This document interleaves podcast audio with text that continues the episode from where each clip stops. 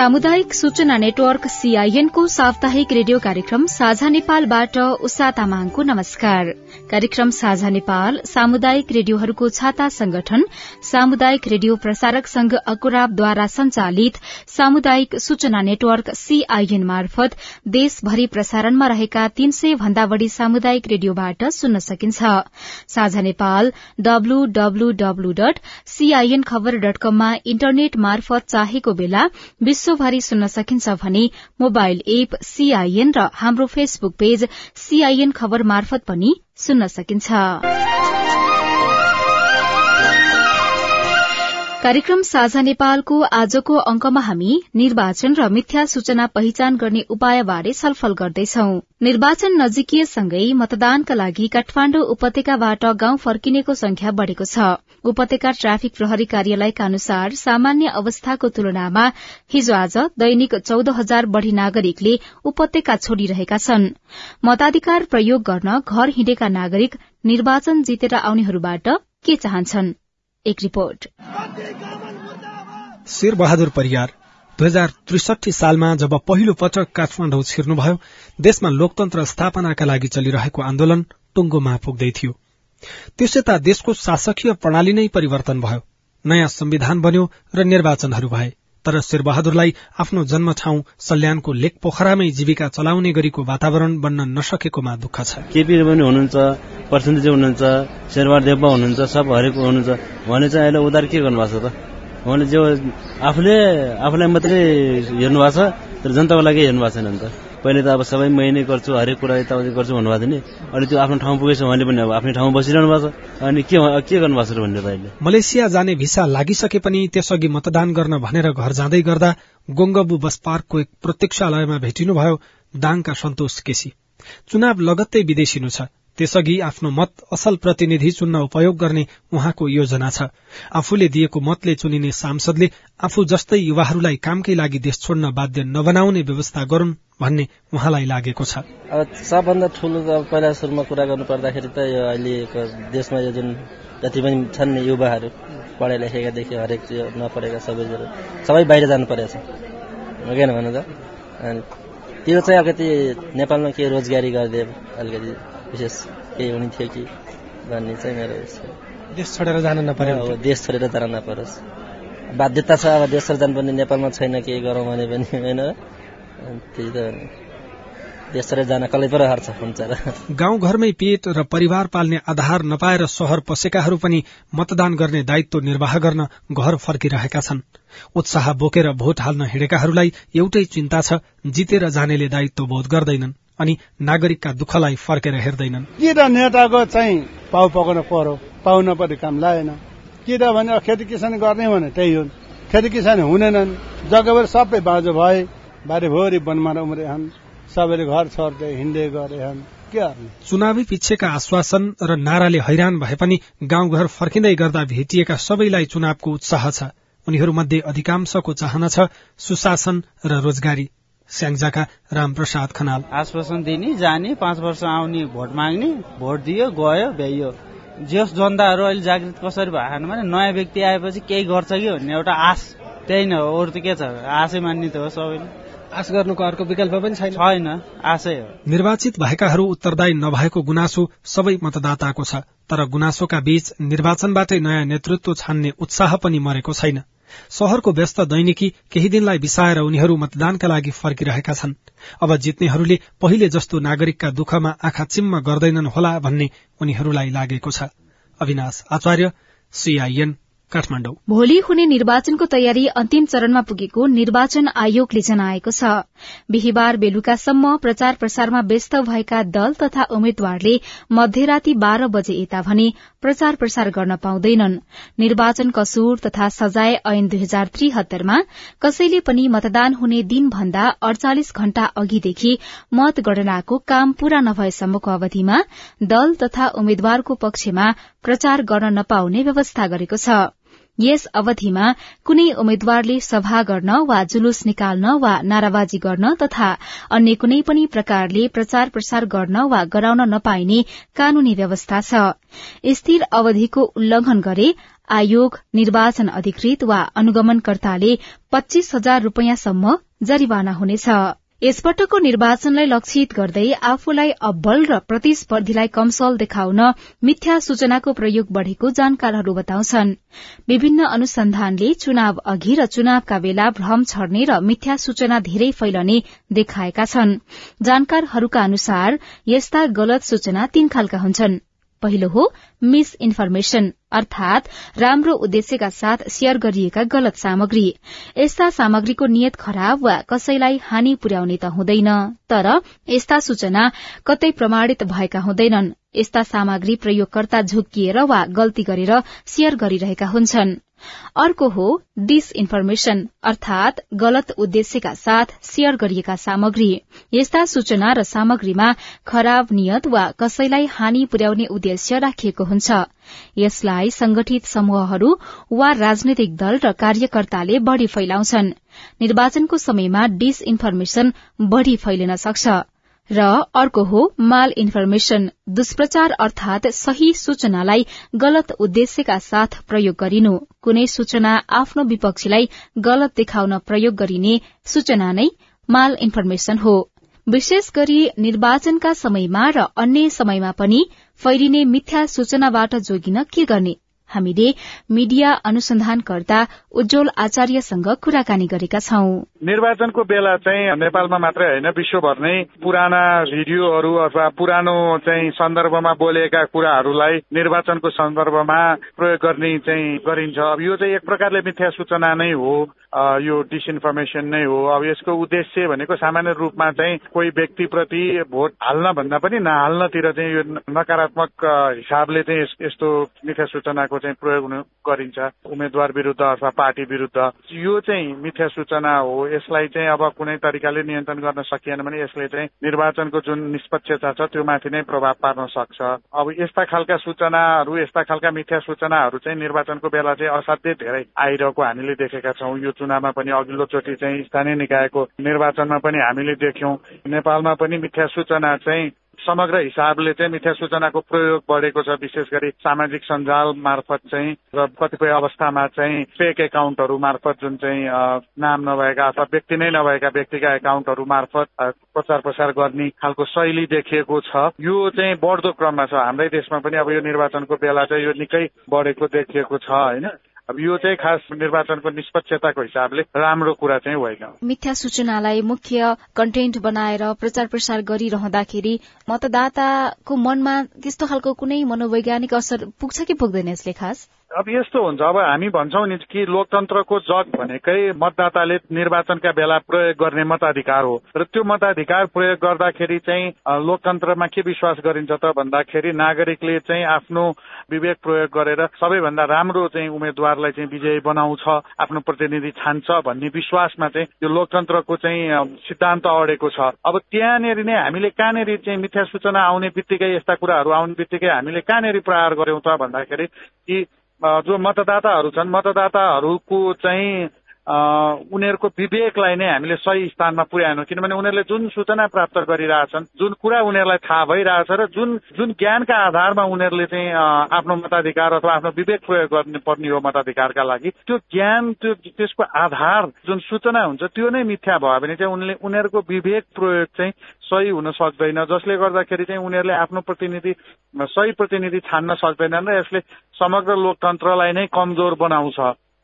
अब यसरी हेर्ने हो भने चाहिँ जुन खालको मिथ्या सूचना चाहिँ बढ्दै जाँदाखेरि मिथ्या सूचना चाहिँ बढी बढी प्रयोगमा आउँदै जाँदाखेरि चाहिँ यसले चाहिँ दुईटा असर देखाउँछ। एउटा त अब निर्वाचनको बेला देखिने खालका प्रत्यक्ष असरहरू भए निर्वाचनको चाहिँ जुन नतिजा छ त्यो नतिजा नै तलमाथि हुन सक्ने अवस्था आउँछ। तर त्यो मात्रै होइन कि समग्रमा गलत प्रतिनिधि छान्दाखेरि अथवा प्रतिनिधिका बारेमा नभएका नकारात्मक कुराहरू चाहिँ जान्दाखेरि चाहिँ नागरिकको चाहिँ लोकतन्त्रप्रति यो चाहिँ प्रणालीप्रति र समग्रमा आफूले छानेका प्रतिनिधिप्रतिको चाहिँ विश्वास नै घट्न जान्छ। त्यो चाहिँ लोकतन्त्रको लागि राम्रो होइन। किनभने लोकतन्त्रमा हामीले के भन्छौँ भने कम्तीमा लोकतन्त्रप्रति लोकतन्त्रका जुन पद्धति प्रणालीहरूप्रति छन् ती पद्धति प्रणालीहरूप्रति चाहिँ नागरिकहरूको चाहिँ जति बढी विश्वास भयो त्यति नै चाहिँ लोकतन्त्र बलियो हुन्छ। अब हामीले लोकतन्त्र बलियो नबनाउने हो भने चाहिँ समग्र रूपमा जे आशा गरेका छौँ यो जुन चाहिँ देशलाई चाहिँ एउटा विकासको बाटोमा लाने अथवा समृद्ध बनाउने खालका जुन खालका परिकल्पनाहरू हामीले गरेका छौँ ती सबै परिकल्पनाहरू चाहिँ पूरा नहुन सक्ने अवस्था चाहिँ अनि सिर्जना हुन्छ। यस्तो अवस्थामा चाहिँ मतदाताहरू आफै चाहिँ कसरी सचेत हुन सक्छन् अथवा उनीहरूले कसरी पत्ता लगाउने कि यो चाहिँ मिथ्या सूचना हो अथवा यति बेला चाहिँ यसको गलत प्रयोग भइरहेको छ भनेर? सबैभन्दा ठूलो भूमिका त निश्चित रूपमा नै मतदाताहरूकै हो हामी नागरिककै हो किनभने हामीले नै हो कुन चिज लिने कुन चिज नलिने भनेर निर्णय गर्ने कुन सूचना ग्रहण गर्ने कुन सूचना ग्रहण नगर्ने भनेर। त्यो हिसाबले हेर्दाखेरि सबैभन्दा ठूलो भूमिका हाम्रै हो। र भनिन्छ नि अब यो निर्वाचन भनेको लगभग लगभग युद्ध जस्तै हो जहाँ चाहिँ जित्नका लागि सबै खालका हत्कण्डा प्रयोग गरिन्छ। त्यो भएर उम्मेद्वारहरूले अथवा उम्मेद्वारका चाहिँ लाई जसले जिताउन लागि पर्नु भएको छ उहाँहरूले चाहिँ मिथ्या सूचना प्रयोग गर्नुहुन्छ आफ्नो जितको लागि अथवा अरू कुनै उद्देश्यका लागि चाहिँ त्यो प्रयोग गर्नुहुन्छ। त्यो प्रयोग एकदमै कम गर्न भनेको चाहिँ गाह्रो कुरा हो र यसलाई चाहिँ अलिकति नियामक निकायहरूले कडा खालका नियम नीतिहरू नल्याइकन चाहिँ नियन्त्रण हुन सक्दैन। तर अब एउटा मतदाताका हिसाबले अथवा एउटा नागरिकका हिसाबले मेरो सबैभन्दा ठुलो कर्तव्य के हो त भन्दाखेरि त्यस्ता मिथ्या सूचनाहरूबाट जोगिनु जोगिने प्रयास गर्नु चाहिँ मेरो कर्तव्य हो। अब त्यो प्रयास भनेको त सबैभन्दा ठुलो प्रयास भनेको सबभन्दा पहिला त कि कुनै पनि सूचना प्राप्त गरिसकेपछि कुनै पनि कुरा हेरिसकेपछि अथवा सुनिसकेपछि यो होइन है यो मिथ्या पनि हुन सक्छ भनेर आलोचनात्मक दृष्टि राख्ने भन्छौँ हामी। त्यो चाहिँ सोच्यौँ भने चाहिँ त्यहाँ त्यसबाट बच्ने चाहिँ सबैभन्दा ठुलो सम्भावना रहन्छ। कि जुनसुकै सूचना प्राप्त होस् जुनसुकै माध्यमबाट प्राप्त सूचना होस् यो नहुन पनि सक्छ है भनेर चाहिँ हामीले सोच्नु पर्यो पहिलो चिज। दोस्रो चिज भनेको चाहिँ त्यस्ता सूचनाहरू प्राप्त भइसकेपछि त्यो सूचनाको स्रोत के हो? त्यो सूचना कहाँबाट आइरहेको छ र कसले चाहिँ त्यो सूचना दिइरहेको छ भन्ने कुरा चाहिँ महत्वपूर्ण हुन्छ। किनभने धेरै जस्तो अवस्थामा मिथ्या सूचनाहरू चाहिँ राम्रा मिडिया अथवा नाम चलेका मिडियाहरूबाट आउने सम्भावना कम हुन्छ।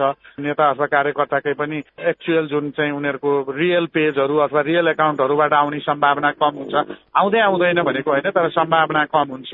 कसले सेयर गरिरहेको छ त्यो सूचनाहरू कसले दिइरहेको छ भन्ने कुरा पनि महत्वपूर्ण हुन्छ। किनभने कुनै चाहिँ सूचना चाहिँ कुनै एउटा बायसनेस भएको व्यक्तिले सेयर गरिरहेको छ भने त्यसलाई त्यसै गरी हेर्नुपर्छ। भनौँ न हामीले नेताहरूले नै सेयर गरेका कुरा कुराहरू पनि कुनै एउटा निश्चित पार्टीको मान्छेले अर्को पार्टीको बारेमा सेयर गरिरहेको कुराहरू छ भने चाहिँ त्यसमाथि चाहिँ आलोचनात्मक दृष्टि राख्नै पर्छ। अब सबभन्दा ठुलो कुरा भनेको चाहिँ हामी नागरिकको रूपमा गर्न सक्ने भनेको कुरा चाहिँ त्यही हो। र अर्को एउटा चाहिँ ठुलो भूमिका के हुन सक्छ त भन्दाखेरि अहिले अब सोसियल मिडियाहरूको चाहिँ एकदमै ठुलो प्रयोग देखिएको भएर चाहिँ साँच्चै नै मिथ्या सूचनाहरू आफू चाहिँ निश्चित भएका मिथ्या सूचनाहरू भेटिएका खण्डमा चाहिँ त्यसलाई चाहिँ त्यो सोसियल मिडियाका पेजहरूमा रिपोर्ट गर्ने अथवा तथ्य जाँच गर्ने संस्थाहरूमा रिपोर्ट गर्ने गर्दाखेरि पनि बिस्तारै चाहिँ तिनीहरूले चाहिँ यो मिथ्या सूचना हो भनेर लेबलिङ गर्न थाल्यो हटाउन थाल्यो अथवा तथ्य जाँच फ्याक्ट चेकिङ गर्ने संस्थाहरूले मिथ्या सूचना हो है भन्न थाले पनि त्यस्ता मिथ्या सूचनाहरू सेयर गर्ने प्रवृत्ति चाहिँ बिस्तारै घट्दै जान्छ र हामी नागरिकसम्म आइपुग्ने सम्भावना चाहिँ कम हुँदै जान्छ। खास यो मिथ्या सूचनालाई एउटा हतियारको रूपमा प्रयोग गर्ने त व्यक्तिगत प्रवृत्ति नै भन्नुपर्छ होइन? अब यो प्रवृत्तिलाई रोक्नको लागि सरकारी संयन्त्रहरू अथवा सरकारवालाले पनि केही गर्नुपर्ने हो कि यसलाई रोक्नै नसक्ने स्थितिमा छ? तपाईँलाई के लाग्छ? होइन रोक्नै नसक्ने स्थितिमा हुँदैन। मिथ्या सूचनाहरू रोक्न सकिन्छ। बहुसंख्यक जुन मिथ्या सूचनाहरू छ तिनीहरूलाई चाहिँ रोक्न सकिन्छ। तर त्यसका रोक्नका लागि चाहिँ सबै सरकारवाला निकायहरू चाहिँ एक खालले दुईटा कुरा चाहिँ उनीहरूले गर्नुपर्छ। पहिलो कुरा भने चाहिँ यो सबै के हो र कस्तो हो भन्ने कुरामा स्पष्ट हुन जरुरी छ। यसका असरहरूका बारेमा स्पष्ट हुनु जरुरी छ। दोस्रो चाहिँ जो नियामक निकायहरू छ जसले चाहिँ यसलाई नियन्त्रण गर्न सक्छ उनीहरूले चाहिँ यसलाई नियन्त्रण गर्ने खालका नियम कानूनहरू बनाएर बनाउनु जरुरी छ। जस्तो भनौँ न उदाहरणका लागि चाहिँ निर्वाचनका बेला राजनीतिक दल र नेताहरू नै एउटा स्टेक होल्डर हुन्छन्।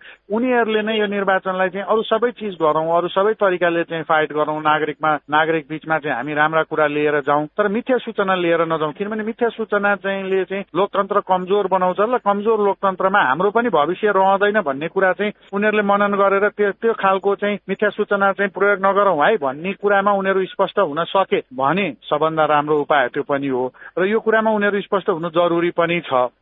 यो लोकतन्त्रलाई समग्र रूपमा बलियो बनाउने हो भने। अब नियामक निकायहरू जुन छन् भनौँ न सरकार अथवा निर्वाचन आयोग जस्ता निकायहरू जुन छन् उनीहरूले चाहिँ मिथ्या सूचना के हो भनेर त्यसलाई क्लियरली यो हो यो यो यस्ता खाललाई चाहिँ हामी मिथ्या सूचना मान्छौँ भनेर चाहिँ स्पष्ट रूपमा चाहिँ कम्युनिकेट गरेर र त्यसलाई नियन्त्रण गर्न सकिने वाक तथा अभिव्यक्ति स्वतन्त्रता हुन नहुने गरी त्यसका लागि चाहिँ नियम कानूनहरू बनाउन सकिन्छ। यो अभ्यासहरू भइरहेका पनि छन् र अर्को कुरा भनेको चाहिँ सरकारी नियामक निकायहरूले अथवा सरकारले चाहिँ जुन जहाँबाट यी फैलिरहेका छन् ती भनेको थर्ड पार्टीहरू जुन सोसियल मिडियाहरू छन् प्लेटफर्महरू छन् उनीहरूसँग समन्वय गरेर यस्ता कुरालाई कम कम गर्न पनि भूमिका खेल्न सक्छन्। पछिल्ला निर्वाचनहरूमा दलहरूले भनौं उम्मेद्वारहरूले फेरि समर्थकहरूले यो मिथ्या सूचनाको प्रयोग बढ़ाउँदै लगेका छन् कि केही कमी हुँदै आएको छ? तपाईँको विश्लेषण चाहिँ के छ? हाम्रो समग्र रूपमा हामीले हेर्दाखेरि चाहिँ कसरी हेर्नुपर्छ भने अघिल्लो चुनाव भनौँ न स्थानीय निकायको निर्वाचन भन्दा अगाडि जुन सत्रमा हामीले निर्वाचन गर्यौं दुई हजार सात अघिल्लो चोटिको पाँच वर्ष अगाडिको निर्वाचनमा चाहिँ हामीसँग आजको लेभलमा मिथ्या सूचनाहरू थिएन। तर सँगसँगै हामीले सोच्नुपर्ने कुरा के हो त भन्दाखेरि त्यो बेला चाहिँ सामाजिक सञ्जालकै पार्टीहरूले गर्ने उपयोग पनि अहिलेको स्तरमा थिएन। अहिले चाहिँ यो धेरै नै बढेको छ। सामाजिक सञ्जाल एउटा महत्वपूर्ण अङ्ग बनेको छ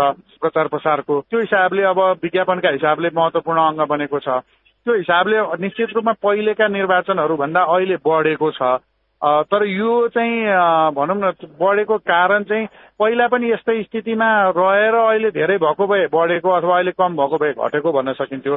तर पहिला चाहिँ यसको प्रयोग नै कम हुने अवस्थामा भएको र अहिले प्रयोग बढी हुने अवस्थामा भएको हिसाबले जुन वृद्धि देखिएको छ त्यो चाहिँ ठ्याक्कै बढेको या घटेको भन्न सकिने अवस्था छैन। तर समग्रमा संख्यात्मक रूपमा चाहिँ मिथ्या सूचनाहरू बढी नै देखेका छन्।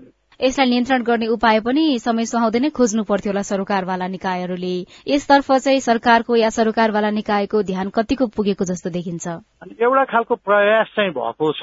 हुँदै नभएको गर्दै नगरेको भन्न मिल्दैन। जस्तो निर्वाचन आयोगले नै पनि यो यो निर्वाचनलाई लक्षित गरेर पहिलो पटक सामाजिक सञ्जाल फेसबुकसँग एउटा खालको सम्बन्ध बढायो र त्यो सम्बन्धका आधारमा केही न केही चाहिँ यसको एउटा एउटा यसको नियन्त्रणतर्फको एउटा कदम त्यो पनि हो भन्ने लाग्छ। जुन जुन हिसाबले निर्वाचन आयोगले चाहिँ यो पटकको निर्वाचनलाई लक्षित गरेर जुन प्रचारात्मक सामग्रीहरू बनाएको छ त्यसमा मिथ्या सूचना देशपूर्ण अभिव्यक्ति जस्ता कुराहरू समेटेको छ त्यो हिसाबले उनीहरू कहीँ न कहीँ अलिकति बढी यो प्रति सचेत भएको भन्ने देखाउँछ। त्यो सचेतना पनि बढी छ दलहरूमा पनि त्यो सचेतना छ निर्वाचन आयोगमा पनि त्यो सचेतना बढेको देखिन्छ। केही कदमहरू अगाडि बढेका पनि छन् जुन सकारात्मक हो। तर समग्रमा केही चिजहरू चाहिँ हुन सक्ने चिजहरू पनि नभएको पनि देखिन्छ। जस्तो यो बिचमा चाहिँ मिथ्या सूचनालाई चाहिँ स्पष्ट रूपमा चाहिँ किटान गरेर यही हो र यस्तै कुरामा चाहिँ हामी चाहिँ नियम बनाउँछौँ भनेर नबनाइकन समग्र रूपमा सामाजिक सञ्जालको प्रयोग नै कम गर्ने हिसाबले अथवा नागरिकको एउटा मतदाताको वाक र अभिव्यक्ति स्वतन्त्रतालाई नै हनन हुने हिसाबले जुन खालको आचार संहिता ल्याइयो अथवा जुन खालको अभ्यास चाहिँ निर्वाचन आयोगले अघि बढायो। त्यो चाहिँ अलिकति सही कदम भएन भन्ने खालको चाहिँ सोच चाहिँ देख्न सकिन्छ। उनीहरूले चाहिँ यो सामाजिक सञ्जालको सही प्रयोगलाई भन्दा पनि अथवा मिथ्या सूचनालाई चाहिँ नागरिक सचेतना मार्फत नियन्त्रण गर्ने अथवा चाहिँ अरू खालका यसलाई यसका लागि चाहिने स्पष्ट आधारहरू निर्माण गर्ने भन्दा पनि समग्र रूपमा सामाजिक सञ्जालको प्रयोग नै भएन प्रयोग नै कम गर्न सक्यौँ भने यसै पनि कम हुन्छ भन्ने त्यो अलिकति गलत बाटो बाटो बिराएको हो कि जस्तो पनि देखिएको छ। हुन्छ समय दिनुभयो त्यसको लागि तपाईँलाई धेरै धन्यवाद। हस् धन्यवाद। उहाँ हुनुहुन्थ्यो एकजना मिडिया अनुसन्धानकर्ता उज्जवल आचार्य तपाई अहिले देशभरका सामुदायिक रेडियोसँगै सामुदायिक सूचना नेटवर्क सीआईएनबाट कार्यक्रम साझा नेपाल सुन्दै हुनुहुन्छ। आजको कार्यक्रममा हामी मिथ्या सूचना र यसबाट बच्ने उपायका विषयमा छलफल गर्दैछौ। सामाजिक सञ्जाल र संचार माध्यममा आउने सूचना सही हो वा होइन भनेर आम नागरिकले कसरी पहिचान गर्ने? त्यस्ता सूचनाबाट कसरी जोगिने? लगायतका विषयमा साथी स्नेहा कड़ले तथ्य जाँचसँग सम्बन्धित काम गर्दै आएको नेपाल चेकका सम्पादक दीपक अधिकारीसँग कुराकानी गर्नुभएको छ। निर्वाचनको बेलामा विशेष गरी जति पनि समाचारहरू सूचनाहरू प्रकाशन प्रसारण हुन्छ नि त्यसमा चाहिँ सही सूचना र सत्य समाचार कुन हो भनेर हामी कसरी पहिचान गर्न सक्छौं? अब यसमा चाहिँ तिन चारवटा तरिकाहरू छ है। पहिलो नम्बरमा चाहिँ कुनै पनि सूचना सामग्री तपाईँले आफ्नो तपाईँको टाइम लाइनमा अथवा कुनै अनलाइनमा तपाईँले पढ्ने बित्तिकै त्यसलाई चाहिँ हामीले सेयर गरिहाल्नु हुँदैन त्यसलाई विश्वास गरिहाल्नु है। कतिपय फेक इन्फर्मेसनहरू चाहिँ हेर्दाखेरि सही अथवा विश्वसनीय जस्तो देखिने होइन उस्तै खालको चाहिँ वेब एड्रेस पनि हेर्दाखेरि झलक हेर्दा उस्तै लाग्ने हुन्छ तर त्यो चाहिँ गलत हुन सक्छ है। त्यसले गर्दा पहिलो कदम चाहिँ के हुनुपर्छ भन्दाखेरि त्यसको स्रोत पत्ता लगाउने कोसिस गर्ने। किनभने स्रोत पत्ता लगाएपछि चाहिँ त्यो कुन स्रोतबाट आएको हो भन्ने कुराहरू हामीलाई थाहा हुन्छ त्यसको स्रोत के हो भन्ने कुरा। दोस्रो कुरा चाहिँ अघि मैले भने कि हत्तपत्त विश्वास गरिहाल्नु हुँदैन तर सेयर गर्ने व्यक्ति जसले तपाईँको फिडमा अथवा टाइमलाइनमा त्यो सूचना सेयर गरेको छ तपाईँकोमा आएको छ उसको अलिकति हामीले हिस्ट्री पनि जाँच्नुपर्ने हुन्छ। उसले योभन्दा अगाडि गलत अथवा भ्रामक सूचनाहरू सेयर गरेको छ कि छैन। यदि त्यसरी निरन्तर उसको उसले चाहिँ गलत भ्रामक सूचनाहरू सेयर गरिरहेको छ भने त्यस्तो व्यक्तिले सेयर गरेको कुरामा हामी अरू धेरै चनाखो हुनुपर्छ है। मुख्य कुरा चाहिँ हामीले एकदमै विश्वसनीय सूचना मात्रै सेयर गर्नुपर्छ र विश्वसनीय सूचनालाई मात्रै हामीले उपभोग गर्नुपर्छ है। हामीले विश्वसनीय सञ्चार माध्यमहरू जसले चाहिँ जो चाहिँ व्यावसायिक छन् जसले चाहिँ सही सूचनाहरू दिन्छन् होइन। मूलधारकै सञ्चार माध्यमहरूले पनि कतिपय अवस्थामा गलत भ्रामक सूचनाहरू दिइरहेको हुन्छ र त्यसलाई चाहिँ बेलैमा सत्याएको अवस्था छ यस्तो गल्ती गऱ्यौँ यो रहेछ सही कुरा भनेर चाहिँ भुल सुधार गरेको छ भनेदेखि त्यसलाई हामीले विश्वसनीय मान्न सक्छौँ। त्यसले गर्दा एकदमै विश्वासिलो भरपर्दो सूचनालाई मात्रै ग्रहण गर्ने त्यस्तो सूचना मात्रै सेयर गर्ने आफू ढुक्क भएर मात्रै सेयर गर्ने हतारमा सेयर नगर्ने। अर्को चाहिँ अब यो के छ भने यस्तो खालको भ्रामक र मिथ्या सूचना फैलाउनेहरूले चाहिँ एकदमै भावनात्मक कुराहरू बढी सेयर गर्छ र त्यस्तो खालको तपाईँलाई एकदम भावुक गराउने तपाईँको इमोसनलाई चाहिँ इमोसनल जगाउने प्रतिक्रिया जगाउने टाइपको छ भने अरू चनाखो हुनु जरुरी छ। र अर्को चाहिँ तपाईँले त्यो जुन सूचना अथवा सामग्रीमा कस्तो भाषा लेखिएको त्यो कोही व्यावसायिक व्यक्तिले लेखेको छ कि एकदमै त्यो अशुद्ध खालको छ होइन? भाषिक अशुद्धता छ भने पनि त्यसलाई चाहिँ हामीले शङ्का गर्नुपर्ने विभिन्न संचार माध्यम वा फेरि विभिन्न सामाजिक सञ्जालहरूमा प्रकाशन प्रसारित हुने त्यस्ता गलत मिथ्या वा भ्रामक समाचार वा सूचनाहरूबाट सर्वसाधारण मतदाता वा सर्वसाधारण नागरिकहरू कसरी बच्न सक्छन्? अब एउटा त तथ्य जाँच गर्नुपर्छ जुन हामीले नेपाल चेक डट अर्गमा चाहिँ गरिरहेछौँ अरूले पनि गरिरहेछन् होइन? कुनै सूचना सही हो कि होइन भनेर।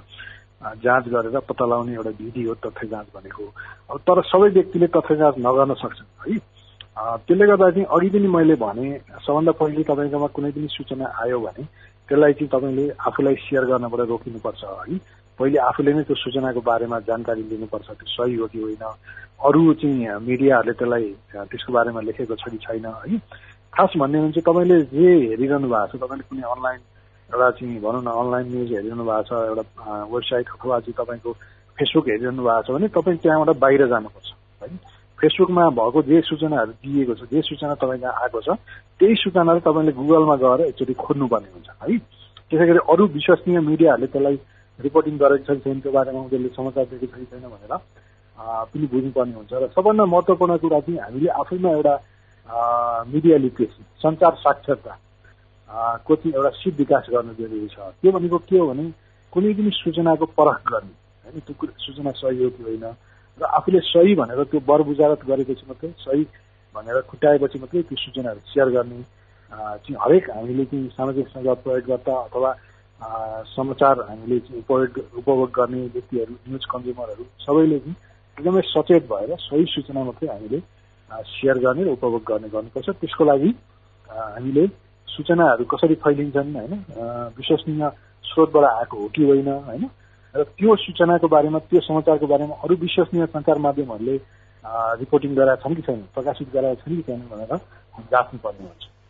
कुनै पनि संचार माध्यम वा सामाजिक सञ्जालबाट प्रकाशन प्रसारण भएका त्यस्ता मिथ्या सूचनाहरू सत्य छन् वा छैनन् भन्ने कुरा पत्ता लगाउने कुनै मापदण्ड वा तरिका पनि छ? यस्तो छ अब कुनै तपाईँकोमा भिडियो फोटोहरू तपाईँले पाउनुभयो र तपाईँलाई त्यसमा चाहिँ त्यो गलत हुन सक्छ भन्ने लाग्यो भने त्यो फोटो भिडियोलाई चाहिँ तपाईँले डाउनलोड गर्नुहोस् होइन? र त्यसलाई चाहिँ गुगलको जुन सर्च बक्समा गएर तपाईँले त्यो एउटा इमेज रिभर्स इमेज सर्च भन्ने आउँछ। इमेज भनेर क्लिक गर्नुभयो भने त्यसमा चाहिँ त्यो तपाईँले डाउनलोड गरेको फोटो अथवा स्क्रिनसट लिएको फोटोलाई तपाईँले अपलोड गर्नुभयो भने त्यो फोटो चाहिँ पहिले प्रकाशित भइसकेको छ भने गुगलले देखाउँछ। र त्यसबाट तपाईँले नीति हेर्दै हेर्दै जानुभयो भने त्यो अहिले भनेर दावी गरिएको छ भने त्यो चाहिँ अहिलेको होइन रहेछ भने थाहा हुन्छ। जस्तो हामीले नै पनि नेपाल चेक डट अर्गमा योभन्दा अगाडि चाहिँ प्रकाशित भएका अगाडिको भिडियोहरू होइन कैयौँ वर्ष पुरानो भिडियोहरू चाहिँ अहिलेको घटनाको भनेर चाहिँ सेयर गरेकोलाई हामीले तथ्य जाँच गरेका छौँ। यही विधि प्रयोग गरेर हामीले चाहिँ पत्ता लगाएका छौँ एउटा तरिका यो अर्को तरिका चाहिँ जस्तो क्लिक गर्नु अगाडि जुन तपाईँसँग त्यो वेबको एड्रेस हुन्छ युआरएल त्यो युआरएल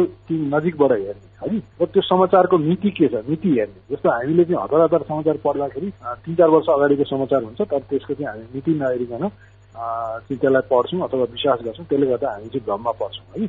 यस्तो कुराहरू चाहिँ एटेन्सन टु डिटेल अथवा एकदमै तपाईँले मिहिन तरिकाले हेर्ने। अघि मैले भने कि त्यसबाट बाहिर गएर चाहिँ अरू ठाउँमा खोज्ने भन्ने पनि एउटा तरिका हो। तर अर्को तरिका के हो भने तपाईँको अगाडि भएको सामग्रीलाई नै एकदमै गहन तरिकाले अध्ययन गर्ने मिहिन तरिकाले हेर्दा आफू चाहिँ एकदमै विश्वस्त नभइकन सेयर नगर्ने।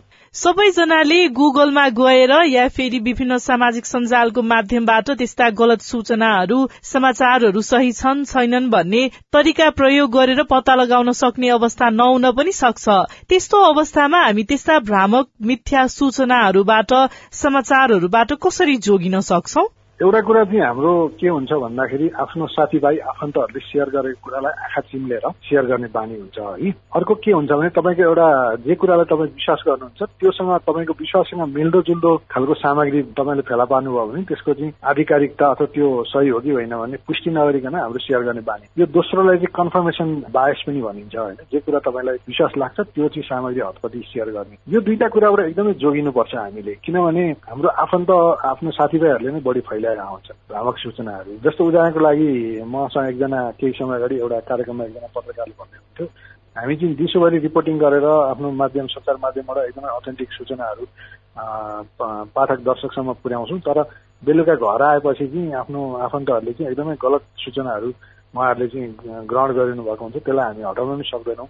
भन्ने खालको कुराहरू गर्नुहुन्थ्यो है। तर यसमा चाहिँ केही उपायहरू छ जस्तो हामीले विभिन्न यो भ्रामक गलत सूचनाहरूको चाहिँ तथ्य जाँच गरेर आउँछौँ र त्यसमा चाहिँ हामीले सबै त्यसको चाहिँ प्रक्रियाहरू कसरी गऱ्यौँ कसरी यो निष्कर्षमा पुग्यौँ भनेर हामीले खुलाएको हुन्छ त्यो तथ्य जाँचमा त्यो तथ्य जाँचहरू सेयर गरेर त्यो तपाईँले जे सेयर गरिनु भएको छ त्यो होइन रहेछ। यस्तो रहेछ भनेर चाहिँ तपाईँले भन्दाखेरि पनि कतिपय व्यक्तिहरूको चाहिँ त्यो धारणा परिवर्तन हुन सक्छ है। त्यसलाई एकदमै कोही पनि मान्छेलाई तपाईँले गलत भन्नुभयो भने उसले चाहिँ त्यसलाई सकारात्मक रूपमा नलिन सक्छ। त्यसले गर्दा त्यसलाई सम्झाएर अलिकति समय लगाएर होइन व्याख्या गरेर होइन मान्छेलाई चाहिँ हुन्छ नि उसलाई एक्सपोज नगरिकन एउटा चाहिँ सुविचारित ढङ्गले चाहिँ हामीले मनायौँ भने हामीले चाहिँ निरन्तर सञ्चार माध्यमहरूबाट खास गरी सामाजिक सञ्जालबाट कसरी भ्रामक सूचनाहरू फैलिन्छ त्यसको असर के हुन्छ भन्ने बारेमा चाहिँ हाम्रो साथीभाइ छरछिमेकीहरूलाई बुझायौँ भने जनचेतनामूलक कार्यक्रमहरूबाट हामीले यसलाई चाहिँ बढीभन्दा बढी मान्छेहरू माझ पुर्यायौँ भने सायद केही समाधान गर्न सकियो। नेपाल चेकका सम्पादक दीपक अधिकारीसँगको कुराकानीसँगै अब भने हामी कार्यक्रम साझा नेपालको अन्त्यमा आइपुगेका छौं।